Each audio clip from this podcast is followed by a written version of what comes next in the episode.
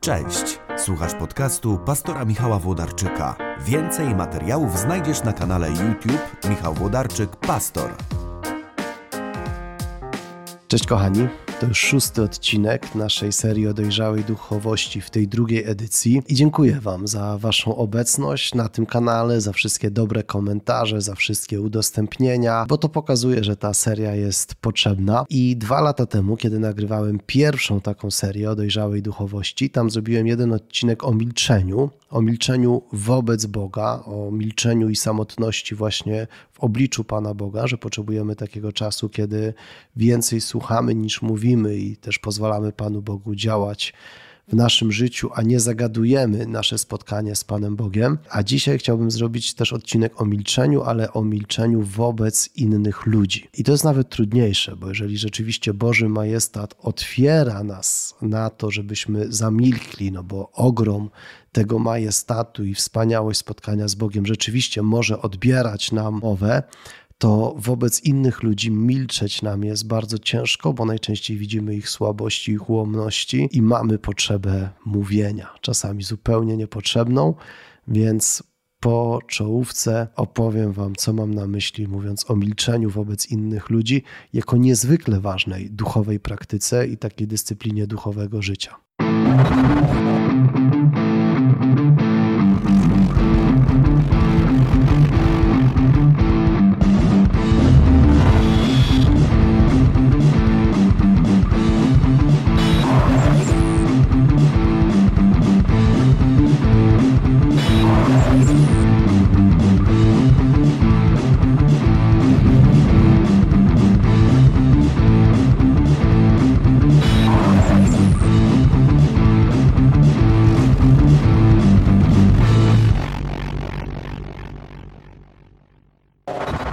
Do tego, co chcę opowiedzieć, pchnęła mnie taka anegdota, anegdotyczna sytuacja opisana w jednej z książeczek, która tak owe, na wesoło pisze o, o kościelnym życiu w Stanach Zjednoczonych.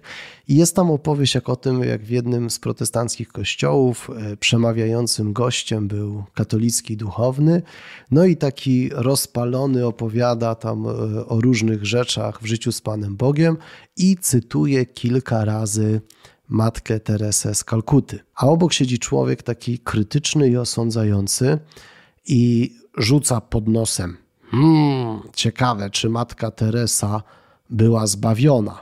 I w odpowiedzi ktoś również szeptem mu odpowiada: Hmm, a ciekawe jest, ilu bezdomnych umyłeś w ciągu ostatniego tygodnia. Wiecie, i myślę, że ta umiejętność milczenia wobec drogi innych, która może być zupełnie inna niż nasza droga, to jest niezwykle ważna duchowa dyscyplina i ona czyni nasze życie dojrzałym. Przede wszystkim dojrzałość polega na tym, że mamy świadomość, że nasza droga, którą idziemy za Jezusem, nie jest jedyna, e, że Pan Bóg może nas prowadzić w inny sposób.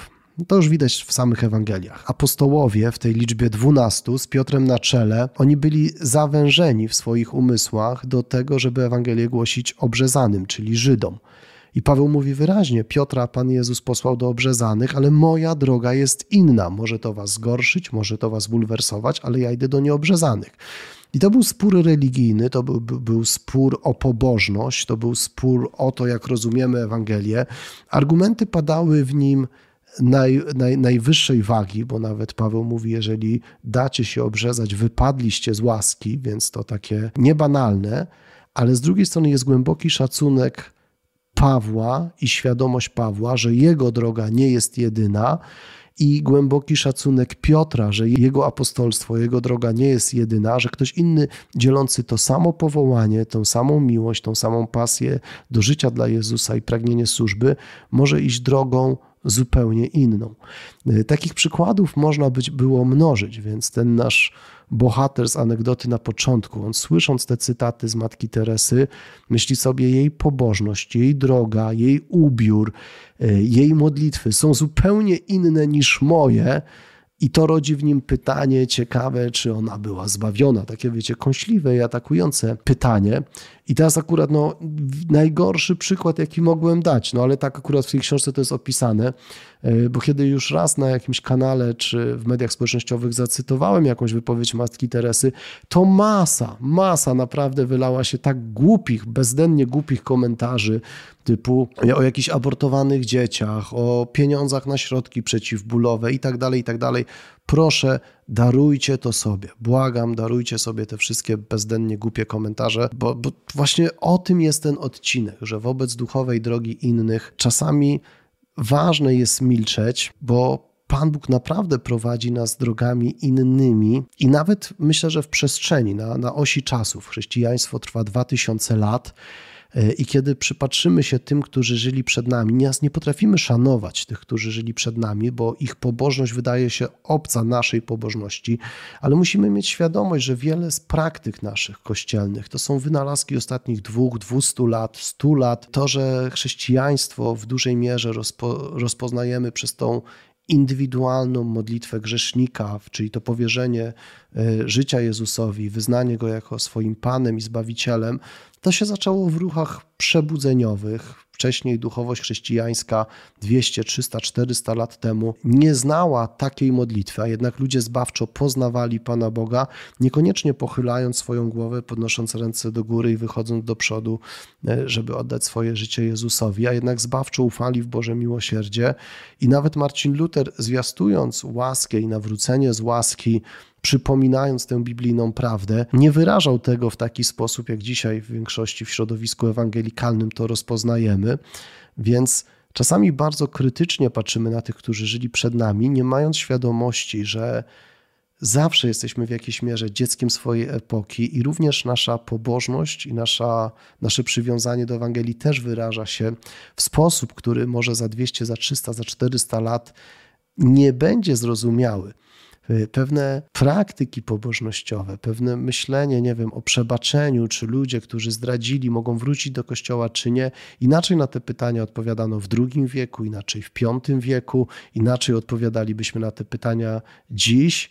Więc jakoś Ewangelia no, wydreptuje sobie do naszego życia i do naszych serc różne drogi i tak jak jesteśmy różni, tak samo różne są te drogi, więc myślę, że to jest jeden z tych aspektów, który powinien zachęcać nas do tego, żeby milczeć wobec życia innych. Natomiast y, w tych wszystkich zachętach, w których y, Biblia mówi nie osądzaj, kiedy Jezus mówi: Nie sądźcie, bo taką miarą, jaką mierzycie, wam odmierzą, taką miarą, jaką sądzicie, wy będziecie osądzeni.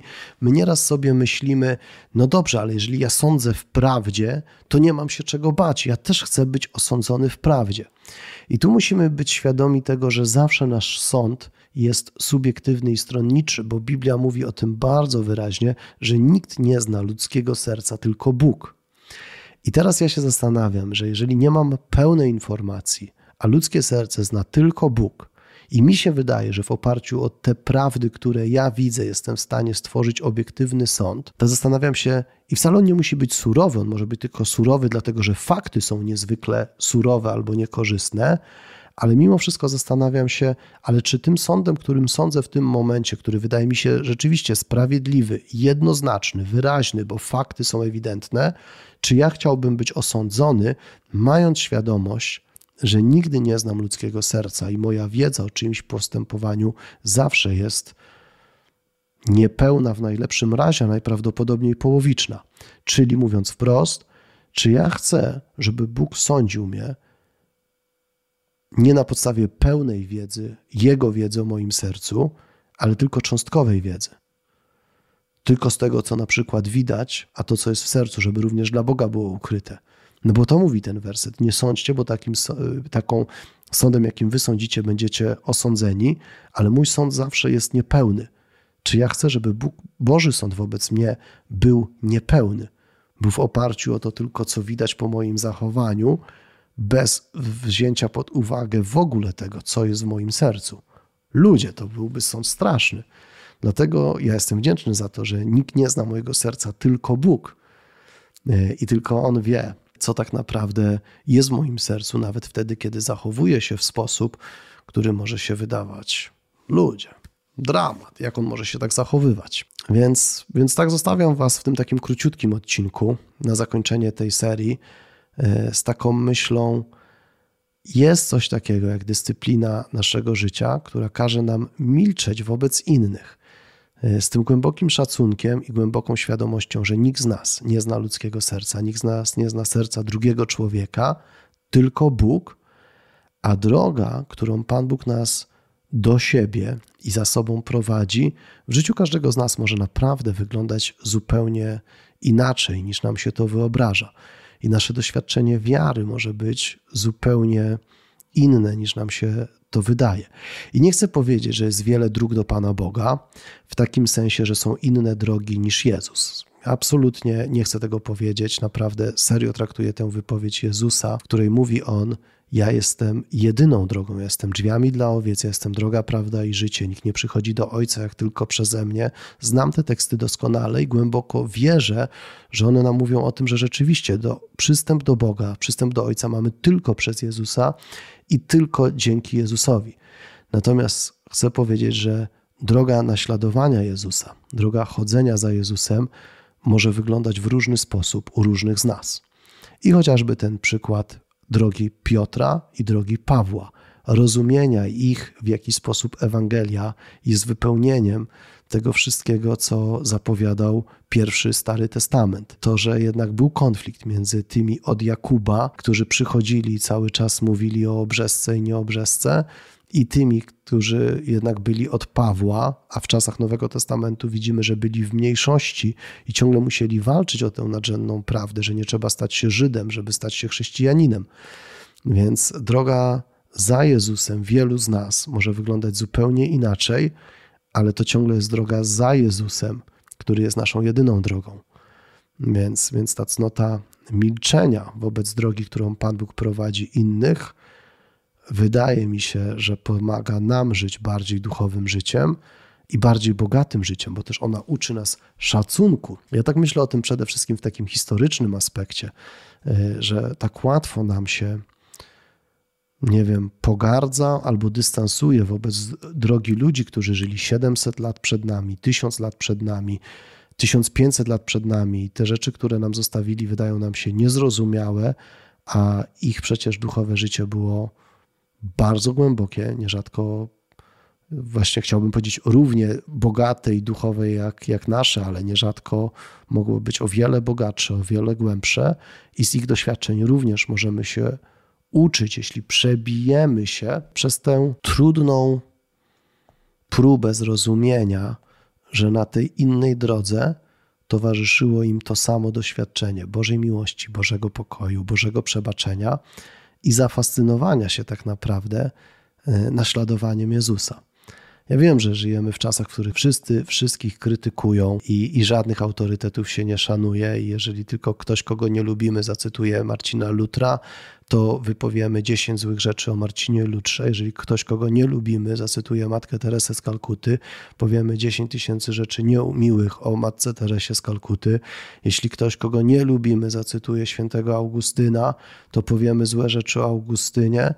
Jeśli ktoś po kogo nie lubimy, nie wiem, zacytuję Cwingliego, to wypomnimy Cwingliemu jego grzechy, ale tak naprawdę w ten sposób okradamy tylko i wyłącznie siebie z tej możliwości, że droga kogoś, kto szedł za Jezusem przed nami, może również ubogacić i rozwinąć nas.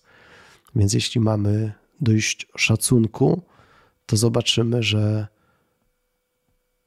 każdy z tych chrześcijan których tak pośpiesznie krytykujemy, może się okazać, że w jakimś aspekcie jest dla nas wzorem, bo najprawdopodobniej w tym tygodniu, który właśnie mija, my nie umyliśmy żadnych bezdomnych, a być może ta osoba, którą krytykujemy, właśnie to ze względu na Jezusa i z miłości do Jezusa przez cały tydzień robiła. A jeszcze chyba dodam to, y, że to też wynika z pewnego rodzaju dojrzałości i siły, że ja nie czuję się zagrożony tym, że droga kogoś innego jest inna niż moja. Wiecie, mnie to nie obraża, że ktoś modli się w inny sposób, mnie to nie obraża, że ktoś, nie wiem, na uwielbieniu słucha techno albo chorałów gregoriańskich. To nie obraża, nie wiem, mojej wrażliwości, to nie konkuruje z moją wrażliwością, to nie konkuruje ze sposobem, w jaki ja przeżywam nabożeństwo, więc, nie ma, więc się zastanawiam, skąd ta potrzeba tego ustawicznego, nie wiem, krytykowania i deprecjonowania tego, że jeden zanurza się w pobożność zbudowaną na gre gregoriańskich chorałach, drugi zanurza się w pobożność zbudowaną na muzyce techno. Dlaczego ja mam potrzebę w ogóle to, tego oceniania, skoro moja droga, którą ja idę, Jeżeli ona rzeczywiście, ja się czuję na niej bezpieczny, to nie będę miał potrzeby deprecjonowania ścieżek innych. Jeżeli samemu nie jestem jej pewien i czuję się nie, na niej zagubiony, no to wtedy rzeczywiście będę pompował swoje ego i swoje poczucie bezpieczeństwa i swoje poczucie racji poprzez deprecjonowanie innych, ale to raczej będzie wyrastało z moich deficytów niż, y, niż z mojego poczucia spełnienia. I całkiem chyba niedawno wrzuciłem tutaj na ten kanał taką pięciominutówkę, E, właśnie o tym, że każdy konflikt i każdy, każde spory między chrześcijanami wynikają z deficytów, a nie z doświadczenia pełni, więc nie będę tego w tym filmie powtarzał, ale może na koniec tego odcinka to się zlinkuje. Dla tych, co są zainteresowani tym fragmentem z listu Jakuba, to tylko 5 minut rozważań o tym, że każde deprecjonowanie innych, każdy spór między chrześcijanami nie wynika z pełni objawienia i sytości pokoju i życia z Panem Bogiem, ale wynika z pustki deficytów i gonienia za czymś, e, a przynajmniej z pustki we własnym sercu. E, tak przynajmniej mówi list Jakuba, a w którym miejscu i w jaki sposób to zobaczycie w podlinkowanym filmie. Dzięki za Waszą uwagę, dzięki za Waszą uwagę przez te sześć odcinków tego cyklu o dojrzałej duchowości. I proszę, subskrybujcie ten kanał, żeby kolejnych odcinków nie przegapić. A jeżeli uważacie, że warto, to udostępniajcie też innym, bo za piękna jest Ewangelia, żeby ją przemilczeć.